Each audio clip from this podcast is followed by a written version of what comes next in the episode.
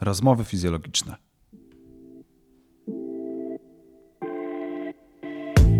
Zapraszam Cię do mojego autorskiego podcastu Rozmowy fizjologiczne.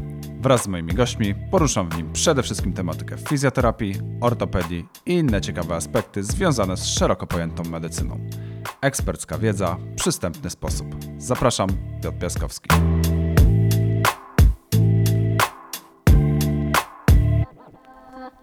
Witam w 16 odcinku Rozmów Fizjologicznych. Moim dzisiejszym gościem jest Justyna Grzywaczewska, biegaczka, organizatorka imprez biegowych, współtwórczyni teamu City Trail, ale także pacjentka i miłośniczka ruchu. Cześć Justyna. Cześć Piotrek, bardzo mi miło. E, fajnie, że udało nam się spotkać. E, mm, od lat jesteś biegaczką i osobą związaną z bieganiem jako organizator eventów biegowych. Jesteś również e, w mojej ocenie świadomą pacjentką, która oprócz takiego samego kręcenia kilometrów dba również o swój organizm i jego funkcjonowanie, na przykład regularnymi treningami ogólnorozwojowymi. E, dlatego chciałbym, żebyśmy dziś porozmawiali sobie oczywiście o bieganiu, ale także o kontuzjach i radzeniu sobie z, z nimi z punktu widzenia pacjenta, który już kilka większych i mniejszych kontuzji prawdopodobnie przeżył. Z tego co wiem, to trochę ich już było.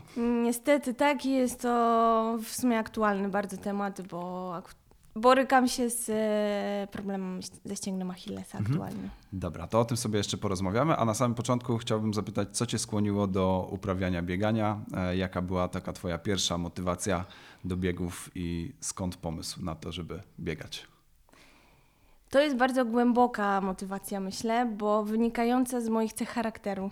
E, ja jako dziecko byłam Myślę, że nawet zbyt ambitna. W każdej dziedzinie zawsze chciałam być najlepsza i jak o tym myślę teraz z perspektywy czasu, e, to wydaje mi się, że musiałam być strasznym dzieckiem, bo, bo naprawdę i w szkole e, czułam zawsze taką potrzebę w ogóle rywalizacji i w, nie wiem, na języku polskim, na matematyce, no i oczywiście e, na lekcjach wychowania fizycznego. E, więc to bieganie było, myślę, że takim odzwierciedleniem tej właśnie mojej takiej jednej z głównych cech charakteru, czyli takiego e, no, bardzo ambitnego podejścia do wszystkiego, za co się brałam. Idealny sportowiec zawodowy. Mm, no tak, ale właśnie tak na dobre to myślę, że tutaj najważniejsze, w, tak jakby w moim początku biegania, to to, że trafiłam na znakomitych nauczycieli wychowania fizycznego. Ja mam już e, ponad 30 lat, więc biegam 20 lat. Witaj w W związku z tym, no było to, ta, e, te czasy mm, szkoły podstawowej, no to to już było naprawdę dawno temu. Nie wiem, jak to się zmieniło teraz, ale w mojej szkole lekcje wychowania fizycznego były E, faktycznie prowadzone jako lekcje wychowania fizycznego, a nie gry w siatkówkę czy tylko w piłkę nożną. Mhm. Robiliśmy naprawdę przeróżne rzeczy, mnóstwo e, różnych też testów, robiliśmy brzuszki na ocenę, podciągaliśmy się, rzucaliśmy piłką palantową, lekarską, skakaliśmy w dal i właśnie biegaliśmy. To bieganie było e, też różnorodne, bo robiliśmy i pamiętam jakieś sprawdziany na 40 metrów, później 60, jak byliśmy trochę starsi i także biegaliśmy przełajowo. Mieliśmy wokół szkoły, znaczy bardzo blisko szkoły, taką pętlę na łące, więc to gdzieś tam wzdłuż rzeki. I takie sprawdziany robiliśmy dwa razy w roku. Na wiosnę e, i na jesień, czy tam na jesień i na wiosnę. Więc nadal był też wątek rywalizacji, no bo biegałyśmy mhm. E, jako wszystkie tam dziewczyny z klasy, czy nawet z kilku klas razem. I dodatkowo był wątek poprawiania się. Więc ja po prostu od tych początków moich ze sportem e, cały czas byłam nastawiona na e, jakiś progres. Na rywalizację. Dokładnie. I na, i na tak jakby chęć poprawiania siebie. E, I tak się zaczęło. Ja zaczęłam bardzo szybko startować też w takich zawodach szkolnych. No i tam wychwycił mnie jeden z trenerów. Pochodzę z Lublina, więc to był trener zajmujący się biegaczami właśnie w Lublinie. Byłam wtedy niespełna 13-letnim dzieckiem, więc mm, dosyć wcześnie zaczęłam bieganie. Niestety też dosyć wcześnie specjalistyczne treningi, mm, co z perspektywy czasu wiem, że też nie jest dobre.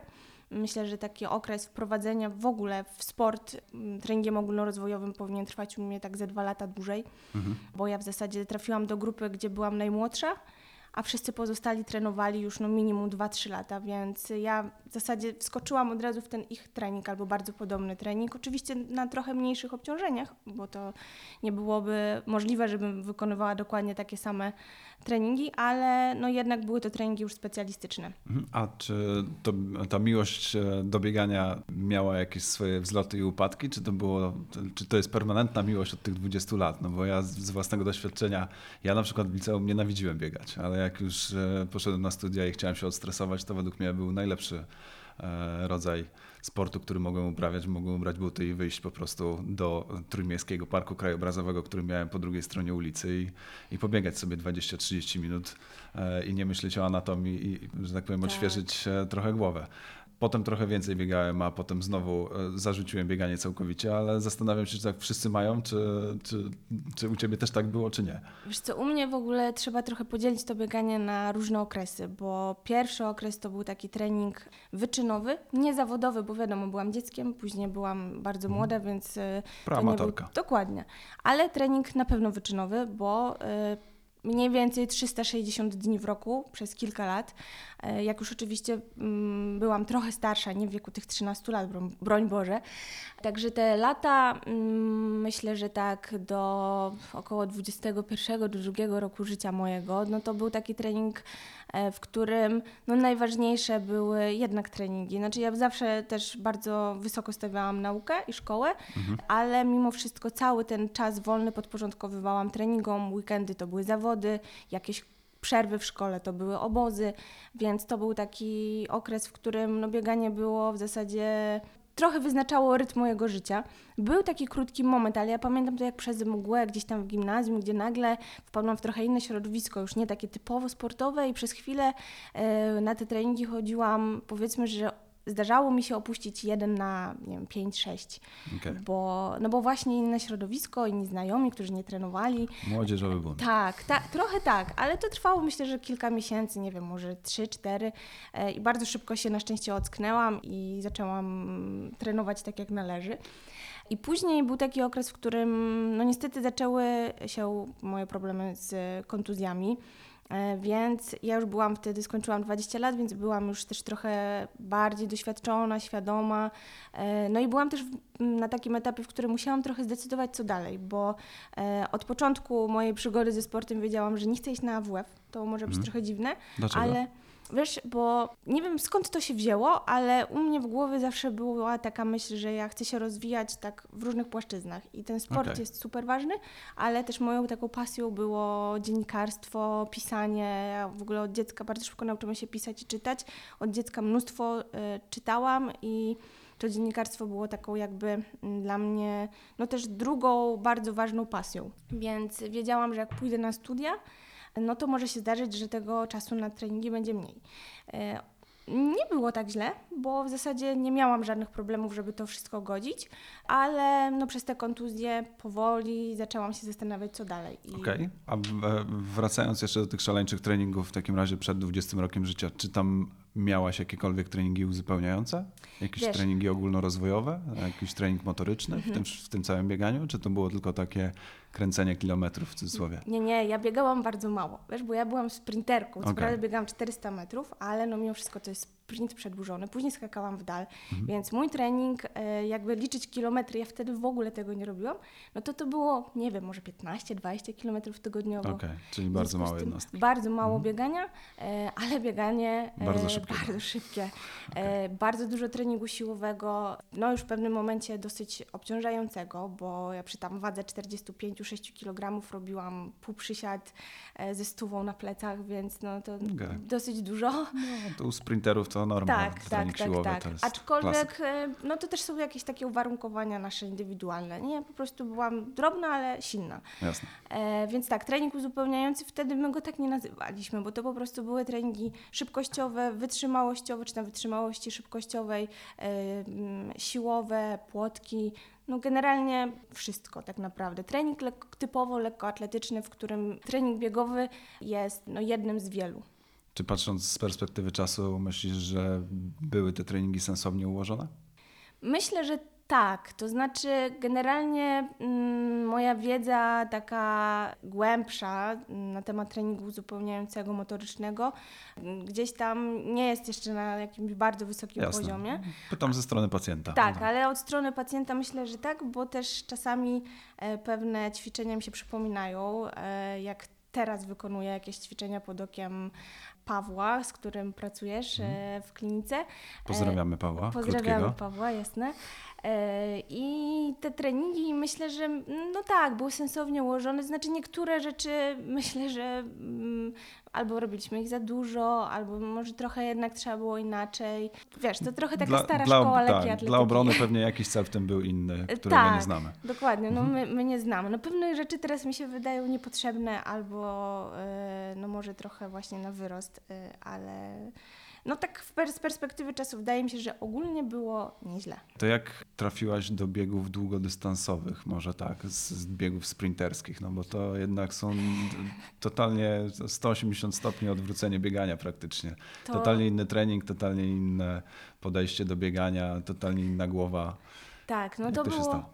Wiesz, to było po tym okresie, kiedy ja już zdecydowałam, że już nie trenuję wyczynowo. Przez kilka miesięcy w ogóle przestałam biegać, e, schudłam, bo nagle mi uciekły mięśnie, więc czułam się super, jeszcze w ogóle lepiej. E, dużo jeździłam na rowerze, zaczęłam się trochę wspinać, więc robiłam różne e, rzeczy, na które nie było czasu wcześniej. Po czym po kilku miesiącach przyszedł taki moment, że stwierdziłam, że w sumie to trochę mi brakuje tego biegania. I to była chyba moja najdłuższa przerwa w, życia, w życiu, czyli takie, nie wiem, 3, 4, może 5 miesięcy, w- jeśli chodzi o, o bieganie. No i zaczęłam sobie tak kilka razy w tygodniu sama wychodzić na kilka kilometrów, ale nadal trochę opierałam się na tym, co robiłam wcześniej, czyli robiłam dużo jakichś takich krótkich odcinków, takich dodatkowo poza jakimś truchtem, plus jakieś skipy. I taki okres to było pewnie za 2-3 lata, czyli już trochę tego treningu takiego bardziej długodystansowego, bo ja Amatorski długodystansowy. tak, Mhm. ale jeszcze taki bardzo krótki, bo jako sprinterka, to wiesz, dla mnie przebiegnięcie 40 minut to No, było wiadomo, bardzo dużo.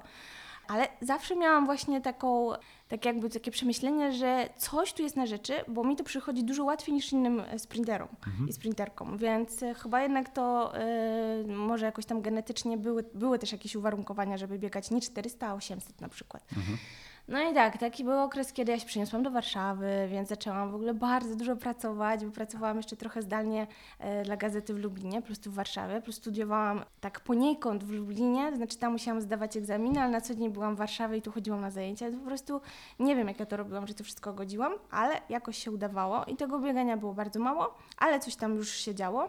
No i później e, poznałam e, mojego narzeczonego, aktualnego, który biegał już wtedy maratony, trochę biegał w górach. E, jestem, jest też trenerem lekkiej atletyki. Mm, No i tak bardzo naturalnie po prostu zaczęłam biegać coraz więcej. Zaczęliśmy wyjeżdżać w góry coraz częściej. E, Ja w ogóle poznałam wtedy e, taką dyscyplinę jak bieganie po górach, co było dla mnie zawsze w ogóle nawet nie do pomyślenia, że można biegać po górach. To już w ogóle trzecia strona medalu, jeśli Trzecia można tak strona powiedzieć. medalu, dokładnie, takie moje trzecie życie. No i tak w zasadzie to już chyba z e, 7 lat temu było, więc też już kawał czasu tak Mhm. naprawdę. Tak stworzyliście City Trail. Można w skrócie powiedzieć. Trochę tak, bo my na początku tworzyliśmy trochę inny projekt, to znaczy e, z niego zrodził się City Trail, on nazywał się inaczej, ale opierał się właśnie też już na biegach pięciokilometrowych, bo to właśnie... e, Mhm. To właśnie, opowiedz właśnie City troszeczkę, e, co to jest City Trail, jak powstało. Już wiemy mniej więcej. Może jaki jest główny cel waszej organizacji? Chyba tak można to nazwać? Tak, działamy aktualnie jako Fundacja Krok do Natury, ale to Okej. się bardzo zmieniało. I tak jakby formalności to coś, co Jasne. zupełnie Zostawmy. jest tak, na drugim planie. To są nudy E, podobno. To są nudy, tak. E, City Trail powstał tak na dobrą sprawę w głowie mojego Piotrka i jego przyjaciela ze studiów w 2009 roku, więc też już lata temu. I miał być, wtedy nazywało się te zawody Grand Prix Poznania w biegach przełajowych. Mhm. To były po prostu biegi na 5 km w Poznaniu nad jeziorem Rusałka, które jest w mieście, więc e, jest do niego bardzo blisko. I dystans miał być krótki i przystępny dla każdego. E, No i na początku chłopaki myśleli, żeby to były zawody bardziej mm, już dla osób takich zaawansowanych, chociaż trochę, które będą mogły sprawdzać swoją formę w okresie jesienno-zimowym. Bo to był czas, kiedy biegów jesienią i zimą praktycznie nie było. To się bardzo zmieniło na przestrzeni Jasne, lat, to, ale to wtedy aktualnie jest e, absolutną abstrakcją, to... ale... Tak. A który to był rok mniej więcej? Y, 2009, kiedy to pomysł Okej. się pojawił, a pierwsze zawody były dokładnie 9 stycznia 2010. To jestem w stanie w to uwierzyć, bo ja biegałem gdzieś w wieku, w studenckich czasach, czyli 2006-2013, to, to tego było bardzo mało faktycznie. Mhm. Bardzo mało. No szczególnie właśnie okres jesienno-zimowy, więc to były tak, przede wszystkim teren, biegi w terenie, przełajowe, no i 5 km, czyli krótki dystans.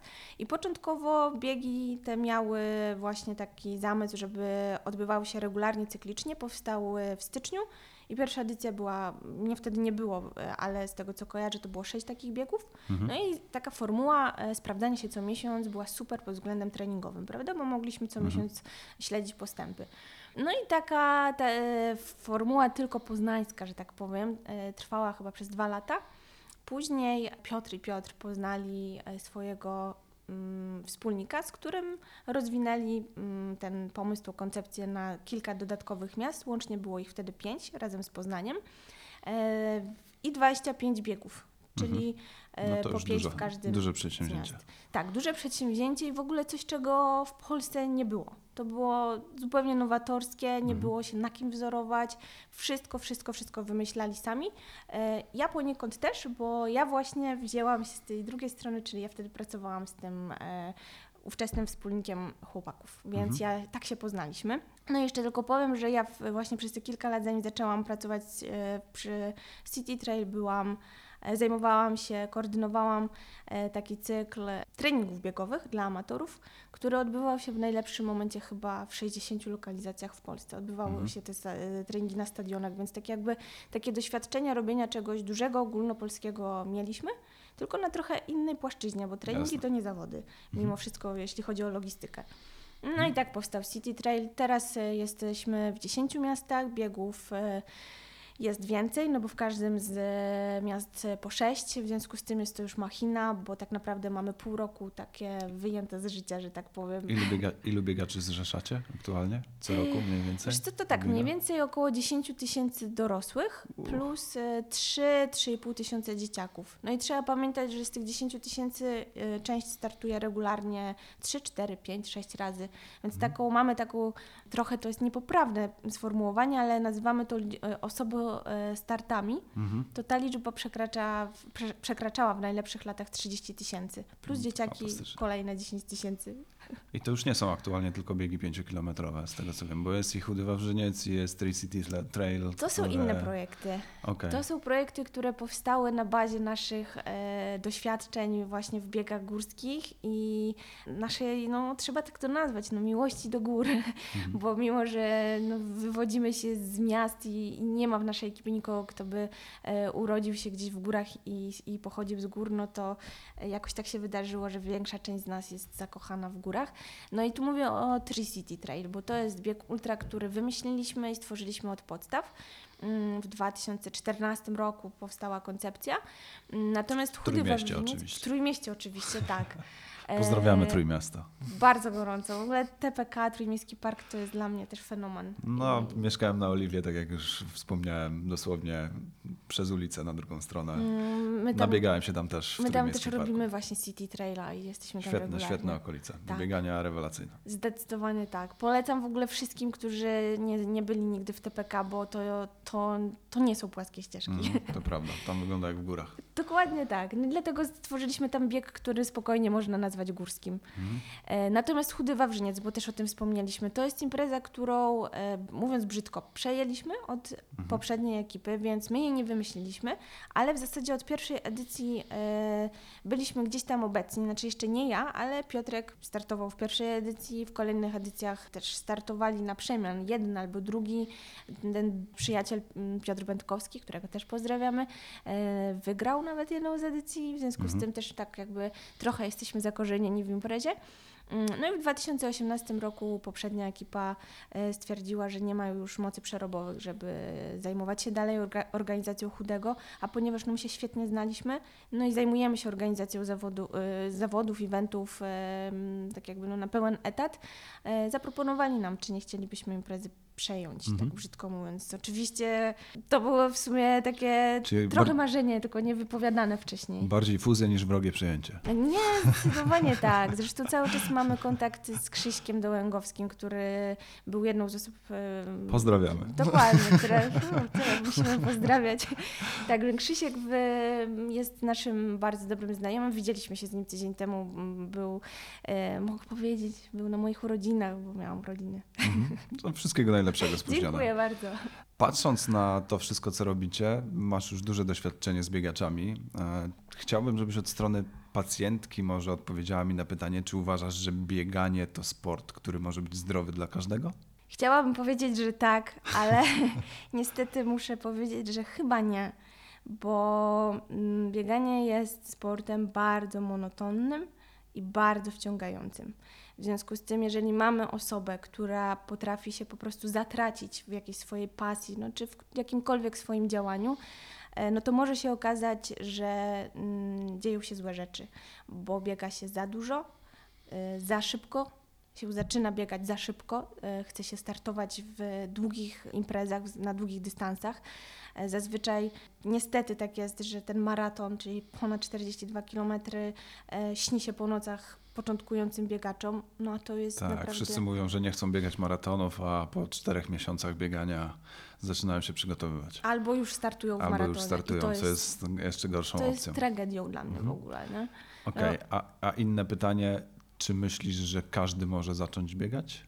Tak, o ile nie ma przeciwwskazań e, jakichś kardiologicznych, Mhm. e, czyli jakichś problemów z sercem, bo tak na dobrą sprawę bieganie takie czysto amatorskie, kilka kilometrów, nie wiem, dwa, trzy razy w tygodniu, tak na dobrą sprawę nie wymaga od nas dużego wysiłku. Oczywiście na początku trzeba zaczynać od marszobiegów. Ja uważam, że to jest podstawa, że jeżeli ktokolwiek Ja też, chce zacząć biegać, a nigdy nie biegał, to nie może próbować wyjść i zrobić 5 km Dokładnie. w ciągu. Nawet jeśli jest bardzo dobry w innych sportach i Tak, generalnie, nie wiem, biega za piłką e, dwa razy w tygodniu z kolegami z pracy, to absolutnie myślę, że jeśli chodzi o bieganie długodystansowe, czy na początku krótkodystansowe, powinien zaczynać od marszobiegów i to jest według mnie absolutna prawda.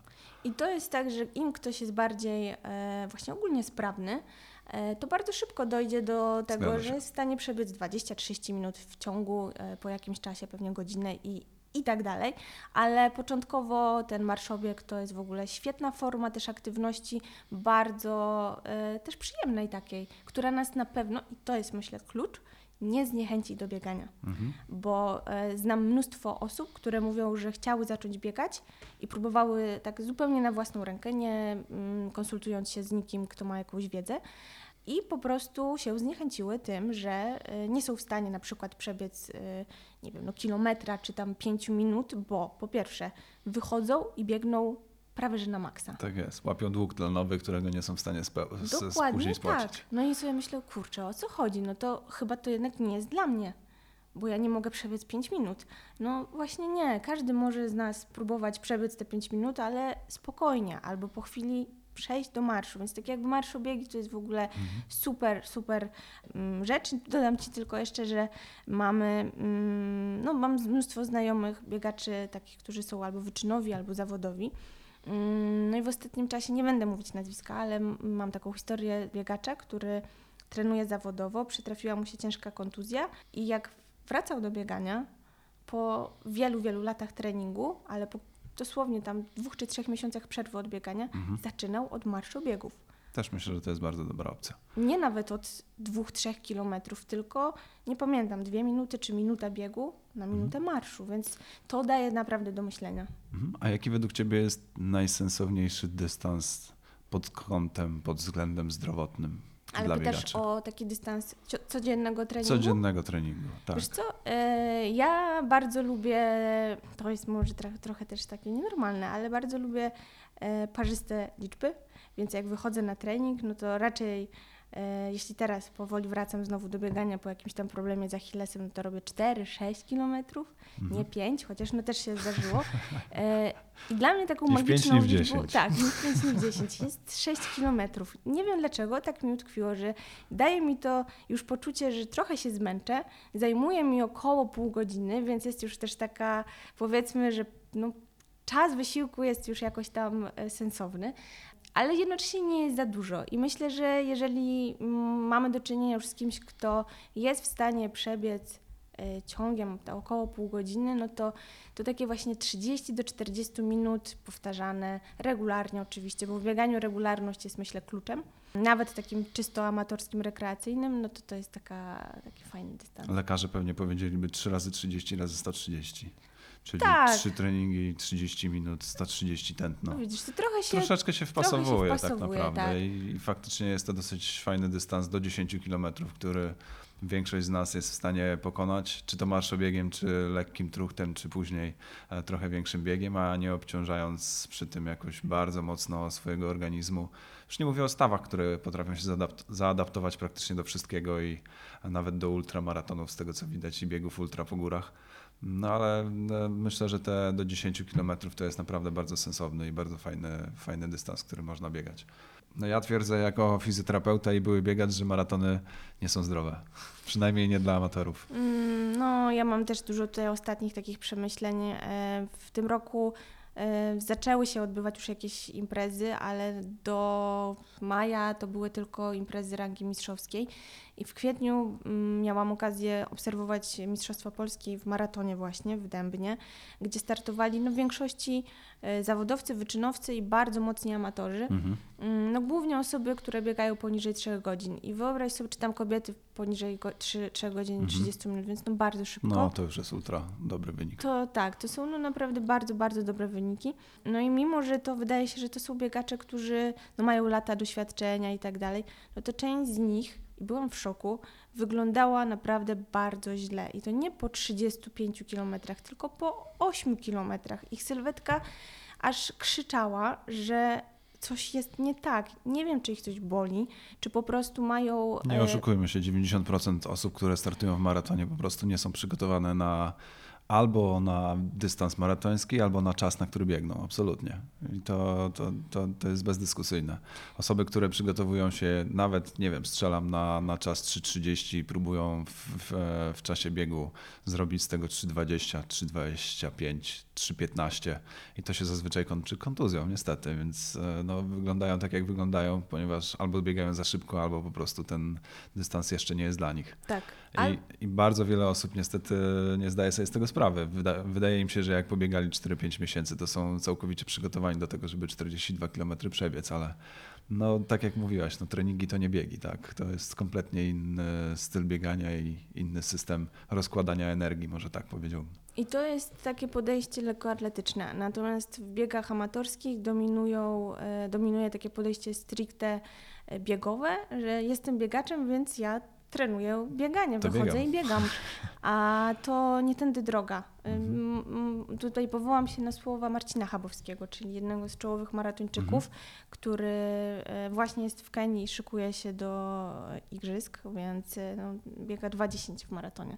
I on e, w takiej rozmowie, którą ostatnio przeprowadziliśmy, powiedział, że on trenując, bo jest też trenerem swoich zawodników, mm, myśli, że oni muszą na początku stać się sportowcami, Tak jest. nie biegaczami. I to jest moim zdaniem klucz do tego, żebyśmy mogli biegać długo, żebyśmy mogli się cieszyć tym bieganiem, żeby było dla nas to satysfakcjonujące, przynosiło nam e, oczekiwane rezultaty. Każdy ma inne, bo każdy z nas ma inne możliwości. Tylko, że myślę, że tak no 90% biegaczy, amatorów o tym nie wie i niestety część z nich nie chce tego wiedzieć. Tak jakby zupełnie o, Nie przyjmują tego do odsuwa, wiadomości. dokładnie, nie przyjmują do To się całkowicie wiadomości. pokrywa z, z, z moją ostatnią rozmową z Krzyśkiem Guzowskim o tenisie, gdzie, e, gdzie też Krzysiek powiedział, że do pewnego momentu zawodnik po prostu musi być sportowcem, a w pewnym momencie przechodzi na zawodowstwo i jest zawodowcem, już, już graczem e, tenisowym. Tutaj no, myślę, że to dotyczy każdego sportu, e, z którym mamy do czynienia. Tak, wiesz, bo jeszcze tutaj dodam, że z moich takich, y, ja trenuję z Pawłem Szorstkim 2,5 roku. Szorstkim, czyli, krótkim. Szorstkim krótkim, tak. Szczerze mówiąc, trudno mi zawsze zapamiętać, y, które to jest jego Wszyscy- nazwisko, wszyscy a mają z tym jest problem. pseudonim. Paweł, zmień to. Nie, Paweł to zrobił celowo, więc myślę, że się cieszy, że taki mały Tak jest. kłopot. E, więc to jest te dwa i pół roku, które myślę, że tak bardzo zmieniło w ogóle moje podejście, bo ja też teraz jestem taka w cudzysłowie mądra, ale e, te trzy lata, cztery lata temu, no tego treningu uzupełniającego u mnie też było bardzo mało, mimo że e, ja miałam podstawy do tego, żeby trenować e, dodatkowo poza bieganiem, no bo przecież tyle lat treningu lekkoatletycznego. Ja nawet wiedziałam, co mogę robić. No tylko, że problem w tym, że jak się zaczyna biegać, to dzieje się coś takiego w głowie, że chcesz coraz więcej, coraz dłużej. E, I nawet jeśli to są treningi e, dobrze poukładane, ale tylko biegowe, no to one zaczynają zajmować ci coraz więcej czasu, więc e, siłą rzeczy, jak jesteś amatorem, masz inne obowiązki, po prostu To tego prawda. czasu ci brakuje. A podjęcie decyzji, że ja będę biegać zamiast pięć razy w tygodniu cztery, a ten piąty to będzie trening To uzupełniający, Jest trudną decyzją. to jest bardzo trudna decyzja. Mhm. A patrząc na tą całą rzeszę biegaczy zrzeszoną wokół City Trail i innych projektów, które prowadzicie, jakie aspekty zauważasz w treningu biegowym, takie, które są najbardziej zaniedbywane w środowisku według Ciebie? Absolutnie według, że tak Mhm. powiem, od strony amatorskiej, biegowej, pacjenta, biegacza. Myślę, że to jest e, trening e, siłowy, którego w zasadzie u biegaczy często nie ma, tylko że muszę tutaj dodać, że nasi biegacze też trochę się różnią. Ci, którzy startują w biegach górskich, czyli w Chudym Wawrzyńcu, Mhm. czy nawet w Tri City Trail, są e, bardziej świadomi, bo oni zazwyczaj już ten trening siłowy wykonują w jakiejkolwiek formie, czyli to są często podbiegi, czy jakieś nawet wycieczki górskie, które też już są poniekąd e, treningiem Oni się po prostu siłowym. wycierpieli już w górach Tak, i dokładnie. wiedzą dlaczego. Tak jest. E, I oni na pewno mają większą wiedzę na temat takiego dodatkowego treningu. Natomiast w City Trail często startują osoby bardzo początkujące. Mhm. To w ogóle jest też takie założenie. No, krótki No tak. dystans w mieście, blisko domu. Ale nawet ci, którzy już biegają często lata, ale biegają głównie właśnie krótsze dystanse, albo nawet dłuższe, ale biegają e, tylko na ulicy, czy, czy no właśnie w lesie, tak jak u nas w City Trail, e, no to oni zaniedbują ten trening i to też widać po ich kroku e, biegowym, po sylwetce, no i też pewnie po wynikach, tak, bo no, trudno jest robić postęp e, biegowy przez lata, e, tylko biegając. W zasadzie y, mogę zaryzykować stwierdzenie, że nie da się. Z doświadczenia fizjoterapeuty pytanie, jak wygląda Twój trening uzupełniający u biegacza? No, rolowanko, rozciąganko i prysznic. Tak, tak. I to rolowanie to takie, wiesz, to też trzy tak, minuty, tak, może rolowanko, sześć. Tak, na szybko. Tak, na szybko. Rozciąganie to też po bieganiu, e, no bo myślę, że to się też trochę zmienia, ale rzadko e, się zdarzają biegacze amatorzy, którzy robią sobie taką sesję rolowania, rozciągania dodatkowo, takie 30-40 minut. Ja to zawsze porównuję z, z myciem zębów. Jak pytasz kogoś, e, ile się rozciąga, on mówi, no tak z 20-30 minut, a potem wychodzi z tego dwie Mm. albo cztery. E, Bo jak spojrzy się na ten trening, no to wygląda to dosyć kiepsko faktycznie. Z myciem zębów jest podobnie. Zawsze wszyscy mówią, że myją co najmniej dwie minuty, a potem jak 30 mierzą, to sekund. 30 sekund jest średnia tak chyba. jest. Nawet nie chyba. Tak, tak, już od początku do końca. Dokładnie. E, Okej, no za chwilę przejdziemy sobie trochę do Twoich kontuzji i tego, jak Ty sobie z nimi radziłaś albo jak sobie radzisz. E, Ale jeszcze mam takie dwa pytania. Mm, Jakie są dla Ciebie osobiście największe plusy uprawiania biegania aktualnie? Dla mnie. Tak, dla Ciebie. Ciężko się mówi o tym, jak ma się jakąś kontuzję przewlekłą, która w jakiś sposób też nawraca, ale Okej, to zaczniemy Mhm. odwrotnie. Jakie są największe minusy uprawiania biegania w takim razie, jak już od tego zaczęłaś? no to właśnie myślę, że mm, taka trudność w pogodzeniu się z porażką, która może być porażką związaną ze startem w zawodach, ale może być też po prostu kontuzją, bo właśnie bieganie, no trzeba to powiedzieć wprost, uzależnia.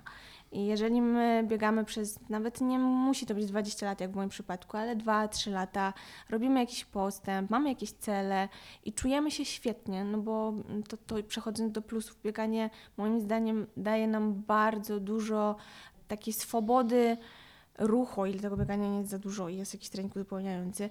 E, Plus, e, no zazwyczaj, jeżeli trzeba e, coś zrzucić, no to jest nam łatwiej zrzucić kilogramy. Daje nam w ogóle też możliwość trochę oderwania się od codzienności, od problemów, więc Generalnie plusów biegania jest naprawdę bardzo, bardzo dużo. Kolejny to taki, że jest e, łatwo dostępny, czyli w zasadzie Mhm. potrzebujesz e, odpowiednio dobranych butów, jakiegoś stroju sportowego e, i możesz wyjść i biegać e, wszędzie. A na początek do marszobiegów nawet nie Tak. potrzebujesz tych butów. Tak Nawet naprawdę. nie jakiekolwiek sportowe. Zgadza się. Więc wracając jeszcze do minusów, no to myślę, że no właśnie te kontuzje, które często zdarzają się tak niespodziewanie, e, a trochę na nasze życzenie. Mhm. I taka jakby dla mnie to jest trudne, żeby się psychicznie pogodzić z tym, że nagle coś, co e, było dla nas takie ważne, musimy odłożyć. A nie miałaś nigdy takiego momentu, że pomyślałaś, matko, jaka to strata czasu. Nie. nie, Może, nie, za nie. krótko, może za krótkie dystanse biegasz. Nie, strata czasu nie. Wiesz, ja mam teraz mam taki moment, w którym po tych wszystkich latach i moich e, jakichś problemach, e, po dwóch operacjach, e, które miałam przez ostatnie dwa lata, więc też jakieś przerwy wchodziły, doszłam do takiego momentu, w którym sobie próbuję poukładać co dalej, bo gdzieś tam wiem, że mam jakieś ograniczenia wynikające gdzieś tam Anatomia. a, tak, dokładnie z anatomii, z budowy stóp, dodatkowo pewnie z tych wszystkich lat treningu, no bo no nie oszukujmy się, to jest 20 lat treningu wyczynowego i półwyczynowego. No, gigantyczna akumulacja mikrourazów. Dokładnie. Gdzieś to tam kiedyś wychodzi. Więc to nie jest przypadek, że no najlepsi lekkoatlete, lekkoatleci kończą karierę w okolicy tam 30-35 Tak lat, jest. tak? Więc no ja mam już 33, więc też zdaję sobie sprawę, że to może być moment, w którym ja po prostu już nie mogę tak dużo trenować. Tym bardziej, że mogę mówimy tak tutaj o biegać. sporcie wyczynowym i zawodowym, czyli sportach, które nie są zdrowe. Nigdy praktycznie. Tutaj to jest kompromis pomiędzy wynikami sportowymi a zdrowiem, absolutnie. Tak, no i właśnie to jest też kolejny taki problem trochę w bieganiu, że bieganie amatorskie stało się tak bardzo popularne i bardzo dostępne, że biegacze amatorzy chcą być właśnie takimi trochę zawodowcami czy wyczynowcami, Fizjoterapeuci mówią, że proamatorzy to najlepsi e, biegacze na świecie. bo najczęściej trafiają tak, do tak, Was. najczęściej są u nas.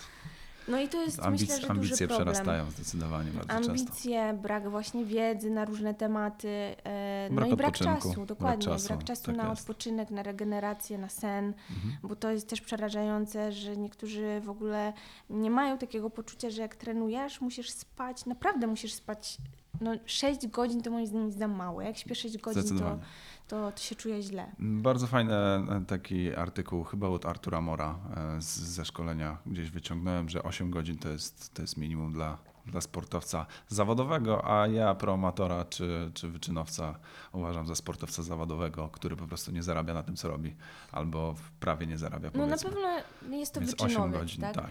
Wiesz, tak, no to, to jest taka, myślę, że dobra liczba e, godzin snu, aczkolwiek pewnie trochę indywidualna, bo ja kiedyś sprawdziłam, że najlepiej się czuję, jak śpię nie 8, a 7,5 godziny. Tylko ważne, że nie Zgadza mogę się. pójść spać, e, nie wiem, o północy, tylko na pewno przed 23. Ja myślę, że to zależy od bardzo wielu czynników, od tego, ile bodźców jeszcze na nas wpływa, jak pracujemy, czy pracujemy fizycznie, czy Tak. psychicznie, czy siedzimy przed komputerem, czy ruszamy się w pracy. Tu jest bardzo dużo zmiennych, ale mniej więcej taką, taką ilość możemy sobie tam założyć.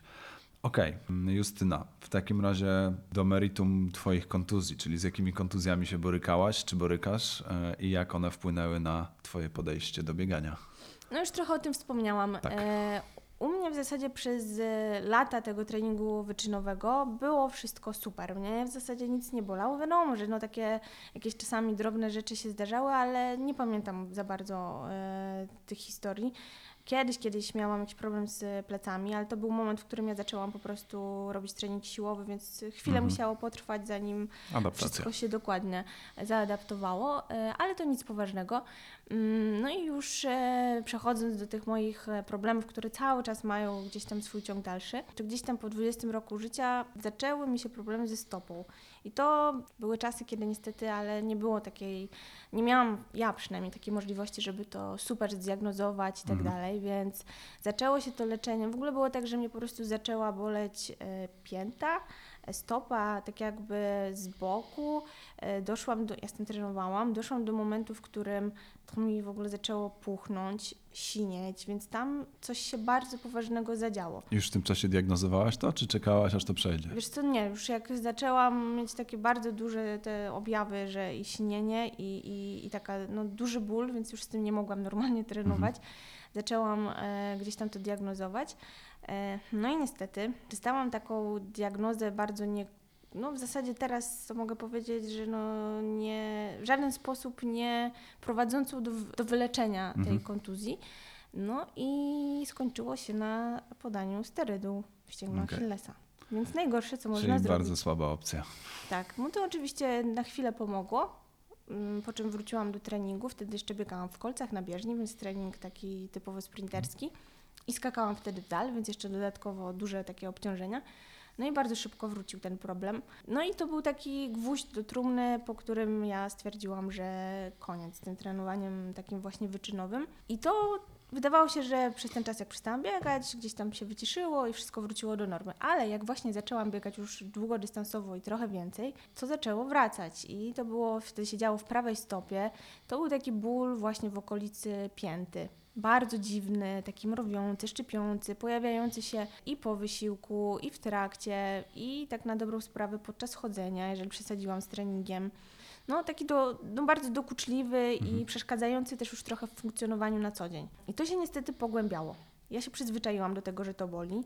I przez kilka lat próbowałam z tym tak trochę właśnie coraz więcej biegać, ale Jakoś no, z tym- funkcjonować. jakoś Mhm. funkcjonować. W końcu doszłam do momentu, w którym stwierdziłam, że dobra, mam dosyć, pójdę z tym do lekarza, może mi coś e, zaleci. No i się tak chyba odbijałam od jednego do drugiego lekarza. Mm, Gdzieś tam pojawiła się taka już, e, myślę, że diagnoza wstępna, że to może być pięta Haglunda. Czyli w ogóle takie coś, co mało, e, Mało tak znane, atrak- mało znane i tak mało atrakcyjnie brzmi. Tak. Dla osoby, która nie ma tego problemu, to w ogóle dziwactwo. Dziwactwo. A w, e, jeszcze, przepraszam, że ci przerwę, w, czy w tym czasie była jakaś fizjoterapia, czy to było tylko odbijanie się od lekarza do lekarza? Tak, ale wiesz co, znaczy, to były zabiegi typu e, na początku jakieś tam lasery, jakieś e, Czyli fizykoterapia fizykoterapia, tak, Mhm. i fala uderzeniowa. Okej. Czyli w ogóle super bolesne. Słuchajcie, to tak bolało, że ja po prostu wychodziłam po takim zabiegu e, cała spięta, bo się tak trzymałam tego łóżka, ale to pomagało. Znaczy Okej. na początku był taki etap, w Chwila. którym to pomagało. Chwil, znaczy na takie kilka miesięcy. Mhm. Później zaczęłam być już bardziej świadoma, trafiłam do fizjoterapeuty e, i taka regularna praca sprawiła, że to się też wyciszyło. Znaczy wyciszało i po jakimś czasie I wracało. wracało. E, I ja tak sobie trenowałam przez e, no, w sumie lata, aż do momentu, w którym ta kontuzja tak jakby stanęła na drodze mm, mojego progresu, już na, tak na poważnie. Bo wcześniej to wiadomo było tak, że ja się z tym nauczyłam trenować, że na przykład no, nie mogę zrobić dwa dni z rzędu mocnego treningu, bo po mocnym treningu kolejnego dnia boli bardziej, więc albo robię wolne, albo robię jakiś luźny trening. Ale tak na dobrą sprawę, jeżeli doszłam już do jakichś tam życiówek, no to y, ten mój trening już nie był skuteczny. Więc y, no, zaczęłam kombinować co dalej, y, ale nadal z tym oczywiście trenowałam, biegałam. Gdzieś tam te zabiegi takie manualne już coraz mniej pomagały. To na początku było tylko wszystko się działo w jednej stopie.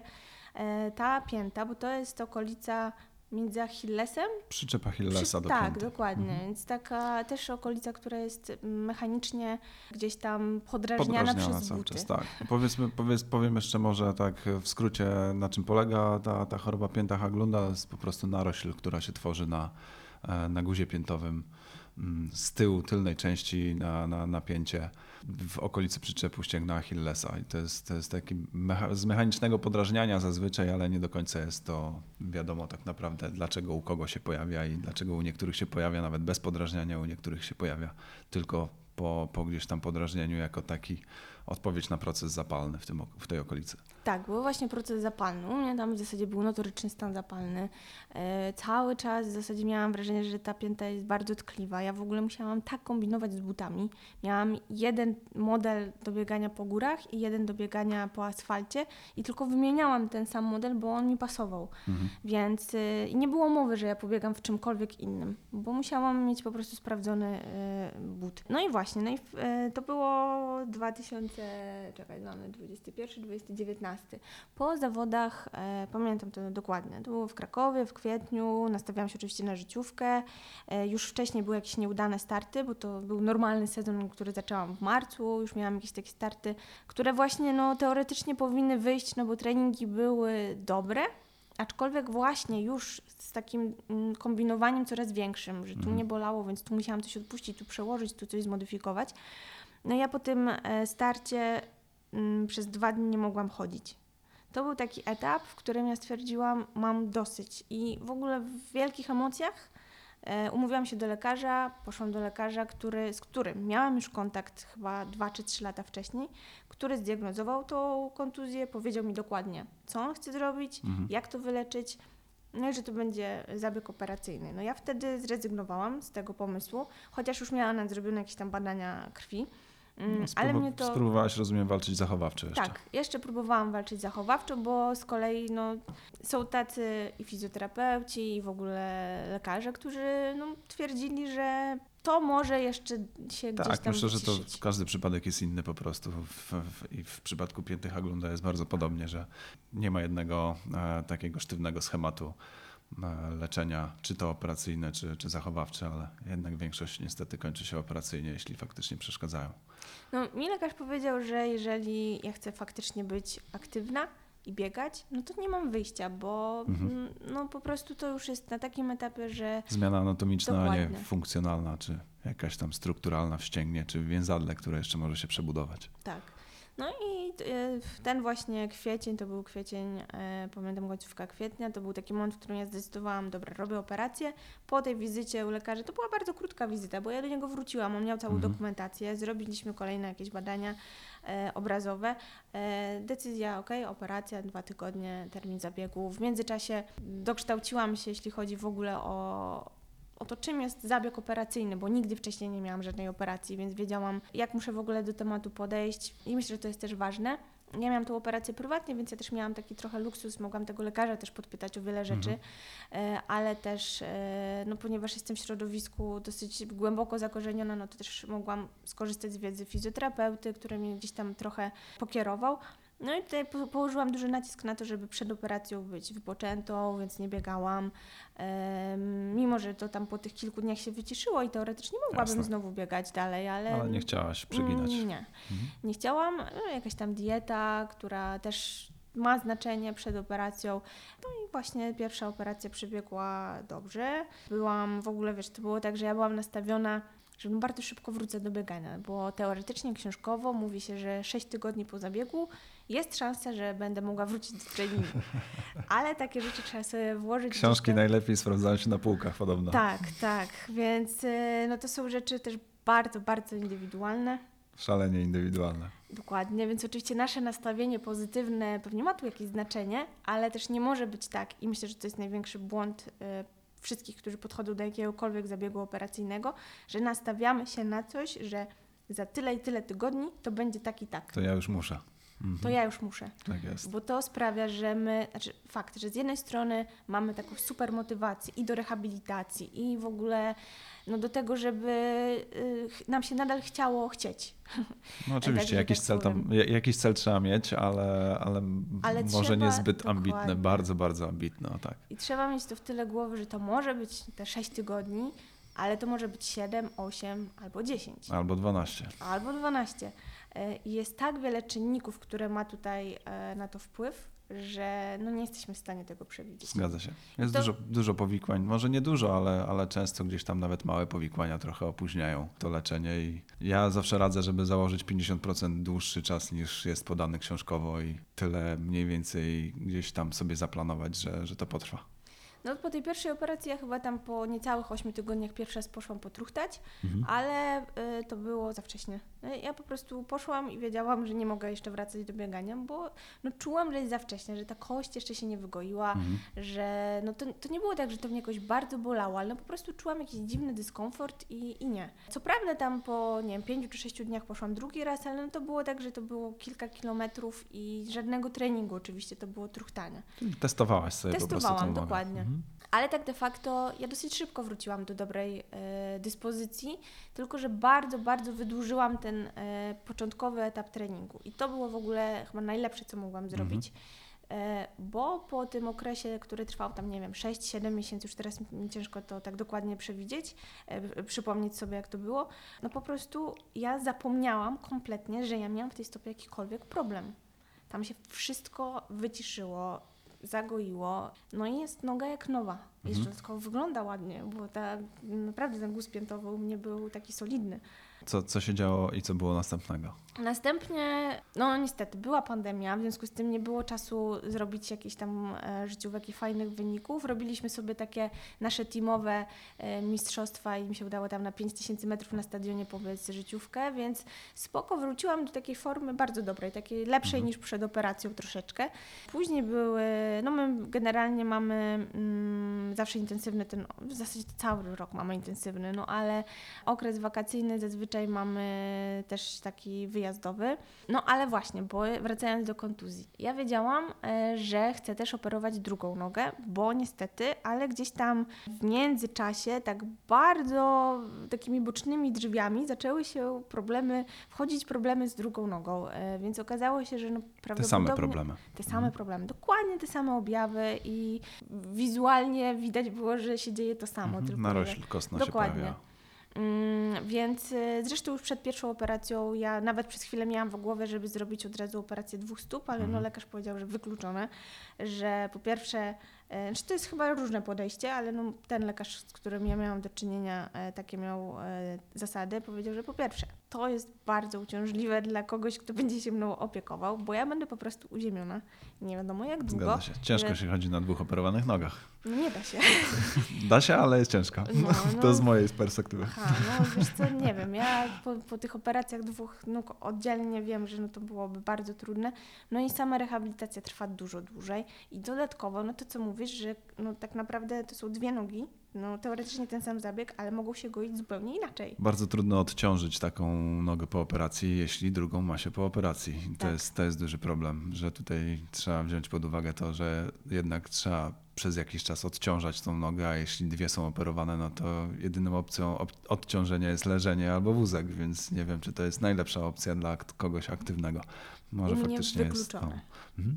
I do, doszło finalnie do tej operacji też drugiej Tak. nogi. Tak, ja początkowo myślałam, że to będzie szybciej, że tak jakby pierwszą operację miałam w maju, że być może na jesieni zoperuję drugą stopę. Mhm. E, Lekarz mi powiedział, że zobaczymy się we wrześniu i wtedy zdecydujemy, jaki jest stan tej operowanej pierwszej stopy, czy ona jest w stanie już właśnie przejąć e, na siebie ten ciężar po drugiej operacji. Mm, No tylko, że to było też e, tak, że ja wróciłam do biegania, jeszcze bardzo spokojnego, ale już wróciłam e, i mogłam znowu cieszyć się bieganiem. Ta druga noga taka była jeszcze cały czas w niezłym stanie. Znaczy ja wiedziałam, że ta operacja Mhm. mnie czeka, ale jeszcze nie... Chciałeś sobie pokorzystać Chciałam jeszcze. sobie trochę pokorzystać dokładnie z tej aktywności, więc odłożyłam ten wątek. E, No i zdecydowałam się na operację w ubiegłym roku we wrześniu. E, Też świadomie, bo no właśnie był to taki okres, był to rok pandemiczny, w którym nie było za bardzo startów i było wiadomo, że kolejne miesiące też będą raczej e, bezstartowe, więc stwierdziłam, dobra, to jest, e, to jest dobry czas. Tak jak sporo moich koleżanek stwierdziło, że jest czas na dziecko, biegaczek, no i tak nie ma zawodów, no to, to, to nie jest żadna Czas strata czasu, dokładnie. Stwierdziłam, że jest czas na operację. E, No i to jest też e, w ogóle historia na, nie wiem, jakiś bardzo, bardzo długi artykuł albo bardzo długą rozmowę oddzielną, bo się okazało, że jest w ogóle zupełnie inaczej, że ta operacja, mimo że teoretycznie identyczna, no to... I u tej samej osoby. i u tej I samej prawie na osoby. tej samej nodze. No. Dokładnie, no to jest tak jakby mm, efekt po, ten pierwszy jest inny. No taki najbardziej wymowna rzecz. Po pierwszej operacji ja w ogóle nie mogłam stanąć na całą stopę, bo była tak bolesna ta okolica pięty, więc Mhm. zaczynałam chodzić od palców. I to trwało tam dwa czy trzy tygodnie, kiedy ja postawiłam całą stopę, po czym okazało się, że mam zablokowany staw skokowy, no bo on nie pracował, No więc tak. ja kolejne dwa tygodnie pracowałam nad tym, żeby go odblokować i zacząć chodzić nie kuśtykając. Przy drugiej operacji, po tam trzech czy czterech dniach, ja mogłam stanąć na całej stopie. Wstałam z łóżka, stanęłam na nodze i stałam na dwóch nogach i zaczęłam sobie tam powoli, wiesz, swoim, yy, swoim tempem się prze, przemieszczać do toalety. Mm, Więc mówię, kurczę, no to chyba jest dużo lepiej, skoro to mnie nie boli. Ale okazało się, że ja nie mogę wejść na palce, że tak jakby ból się pojawia w momencie, kiedy jest Napięcia napięcie mięśnia trójgłowego. I Mhm. właśnie. W związku z tym zupełnie odwrotnie. E, No i to, no dalej były trochę jakieś kwestie, może trochę mm, związane z moim, mm, moją chęcią powrotu do biegania jak najszybszego, no bo No, ja miałam też pewien, pewnie. tak, miałam pewien schemat, który wiesz, był po pierwszej operacji, więc ja sobie założyłam, dobra, jeszcze nie 6, no to te 8 tygodni i będę w ogóle wracam do treningu. W ogóle ja wiem dokładnie, co robić, tak? Wiem, jaki trening uzupełniający teraz robić przez ten okres, kiedy nie biegam. Wiem, jak wracać do biegania. No wszystko Przecież zrobię tak było, samo, tak. dokładnie. No ale okazało się, że mi się po prostu nie goi rana. Czyli w ogóle coś, czego się kompletnie nie spodziewałam. Po 6 tygodniach, e, czyli 3 tygodnie od zdjęciu szwów, ja nadal miałam strupka. Więc no, dziwactwo. Lekarz w szoku. Niby nic, ale jeśli ktoś z Was miał obtartą piętę i próbował biegać z tym albo chodzić w bucie przez długi czas, to wie jaki to ból i jaki to problem.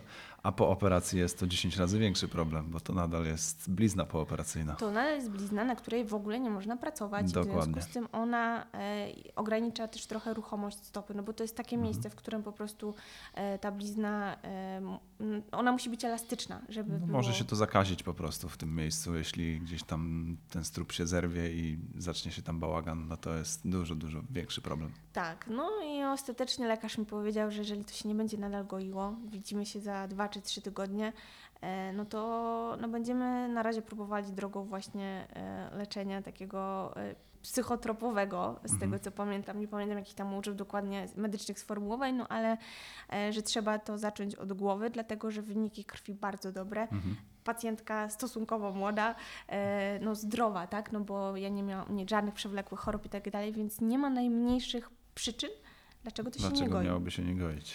No i po tej e, rozmowie zaczęło się goić. Zadziałało. Zadziałało. Psychotropów Siła nie brałam. Zaczęło się goić. Ta blizna jest taka nie najładniejsza, ale co się okazało, na moje szczęście, że jest sama w sobie elastyczna, mimo że na nią e, nic nie nakładałam, bo nie mogłam żadnych maści, e, ani żadnej pracy manualnej przez ten pierwszy okres nie było, no to jest wszystko ok.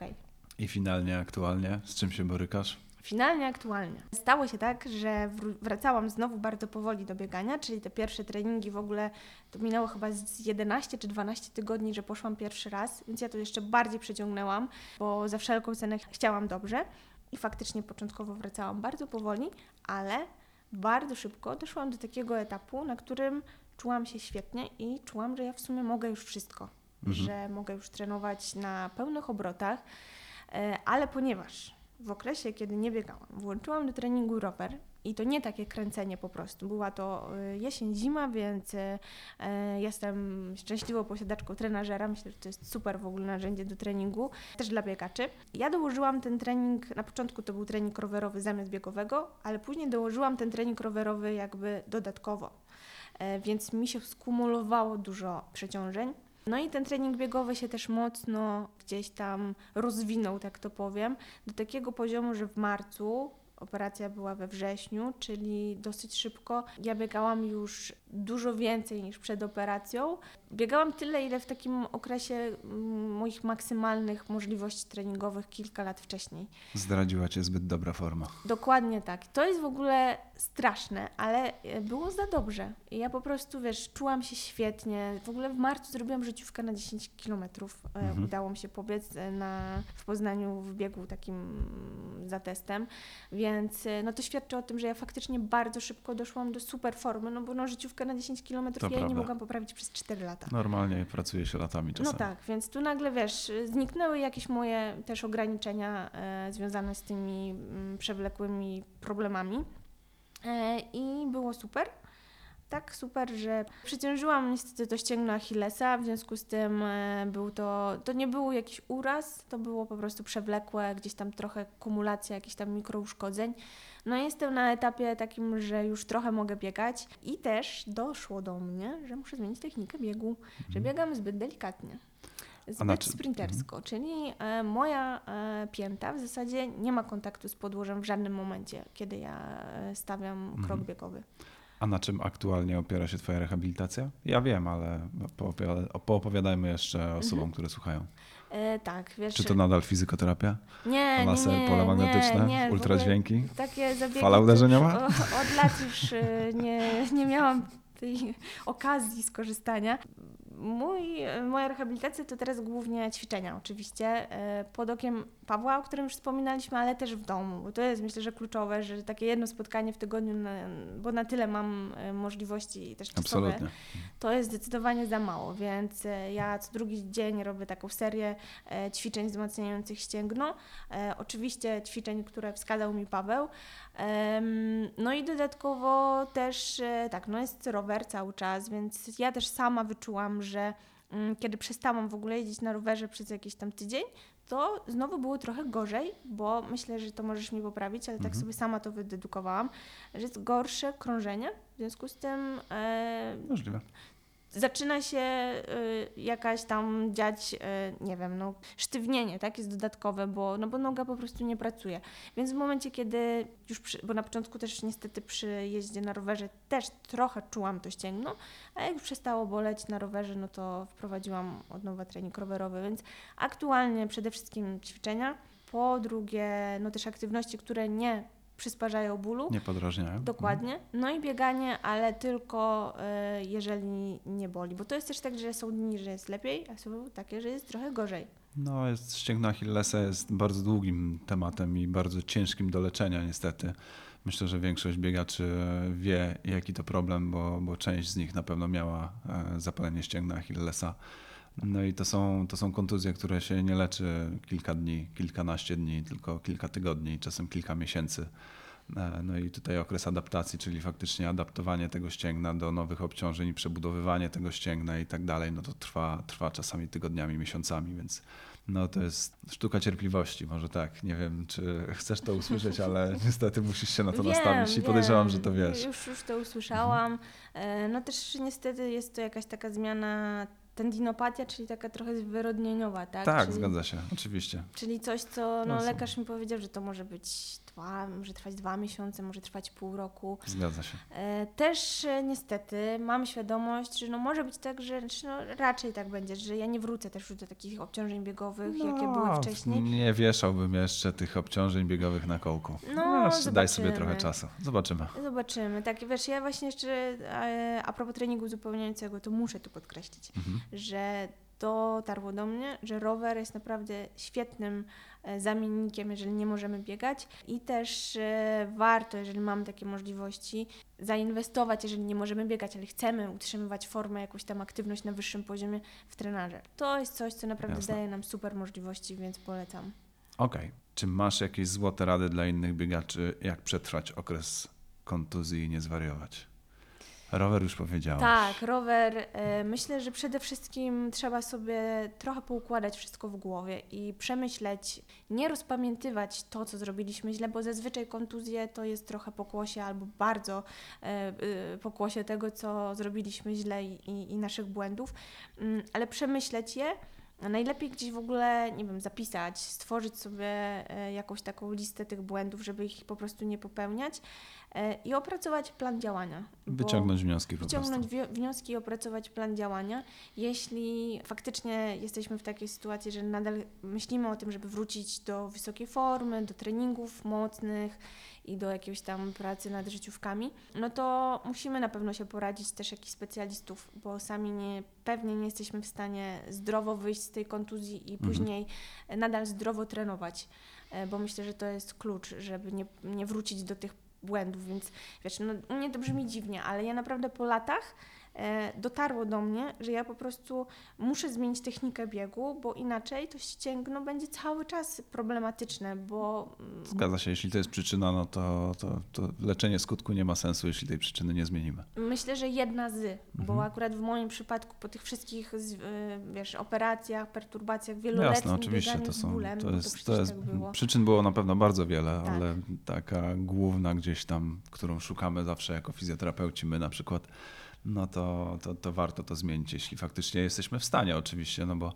przyczyn strukturalnych i zmian anatomicznych, które pojawiają się nie wiadomo skąd i nawet lekarze najlepsi nie wiedzą skąd się to bierze, no to tego nie zmienimy, tak, ale to co możemy poprawić, te małe rzeczy, to absolutnie warto to robić.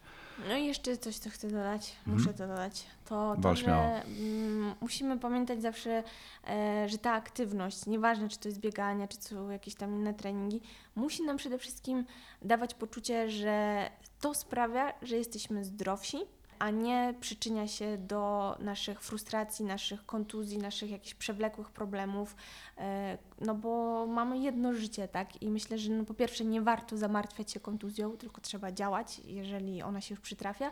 No a po drugie, no sport i aktywność, no to jest coś tak fantastycznego, co możemy robić, że trzeba szukać e, tych form, które są dla nas najlepsze, więc e, jeżeli dla mnie teraz bieganie nie jest chwilowo przynajmniej najlepsze, no to robię inne e, rzeczy, które też dają mi mnóstwo satysfakcji i bardzo wciągają, tak? Bo trening uzupełniający Mhm. to jest w ogóle mm, jest taki wachlarz możliwości, że ja cały czas mam poczucie, że robię za mało, mimo że mój Piotrek mówi mi, że już zaczynam Że już też przestawiać w drugą stronę, że jak nie biegam, to, to po prostu za dużo ćwiczę. I to bardzo ładne podsumowanie. Myślę, że chorobliwe ambicje po prostu trzeba na chwilę schować do kieszeni i, Tak. e, i pomyśleć o zdrowiu, a nie tylko o tym, e, czy wykręcę następną życiówkę w następnym roku, czy nie, no bo to jest, to jest droga donikąd. No, biegnie się w stronę ściany, z którą nieuchronnie się spotka Tak, e, taki dokładnie. biegacz, jeśli będzie biegał tylko i wyłącznie po życiówki. Ja w Mm, ogóle teraz na przykład nie myślę o żadnych startach. Mam jeden start, na który No i jestem bardzo zapisana, ale nie, nie jest to dla mnie ża- żaden cel w tym momencie.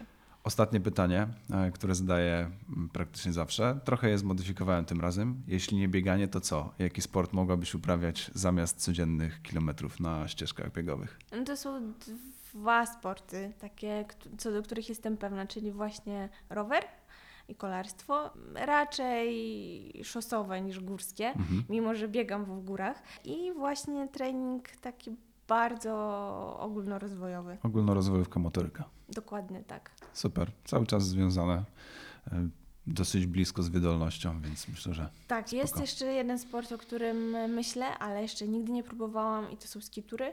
I, Mhm.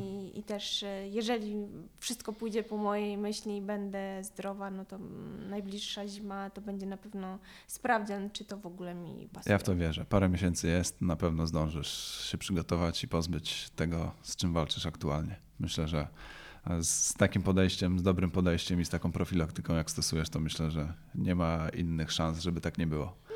Nie myślę inaczej. Teraz nie? psychicznie dostałaś jeszcze kopa po tym, co powiedziałem, więc na pewno już ci przejdzie ścięgno Achillesa.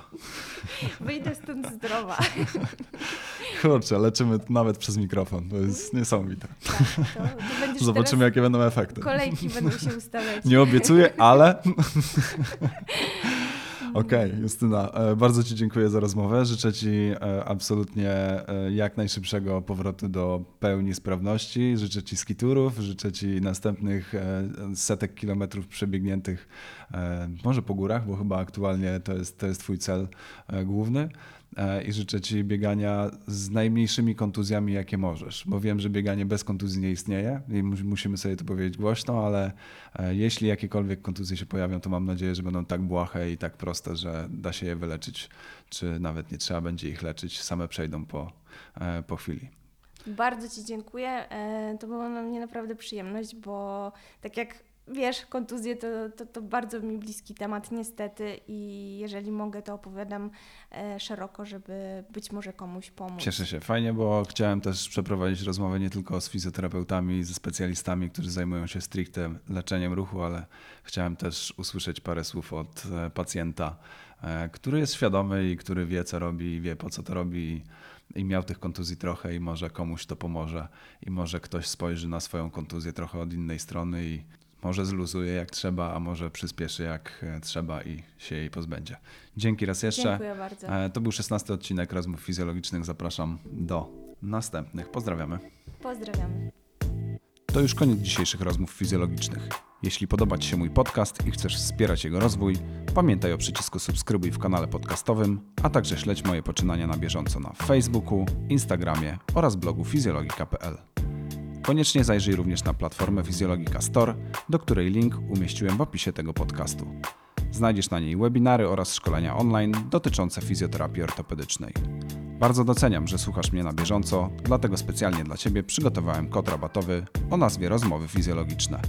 Możesz go wykorzystać na wszystkie produkty w moim sklepie. Do usłyszenia wkrótce w kolejnym odcinku.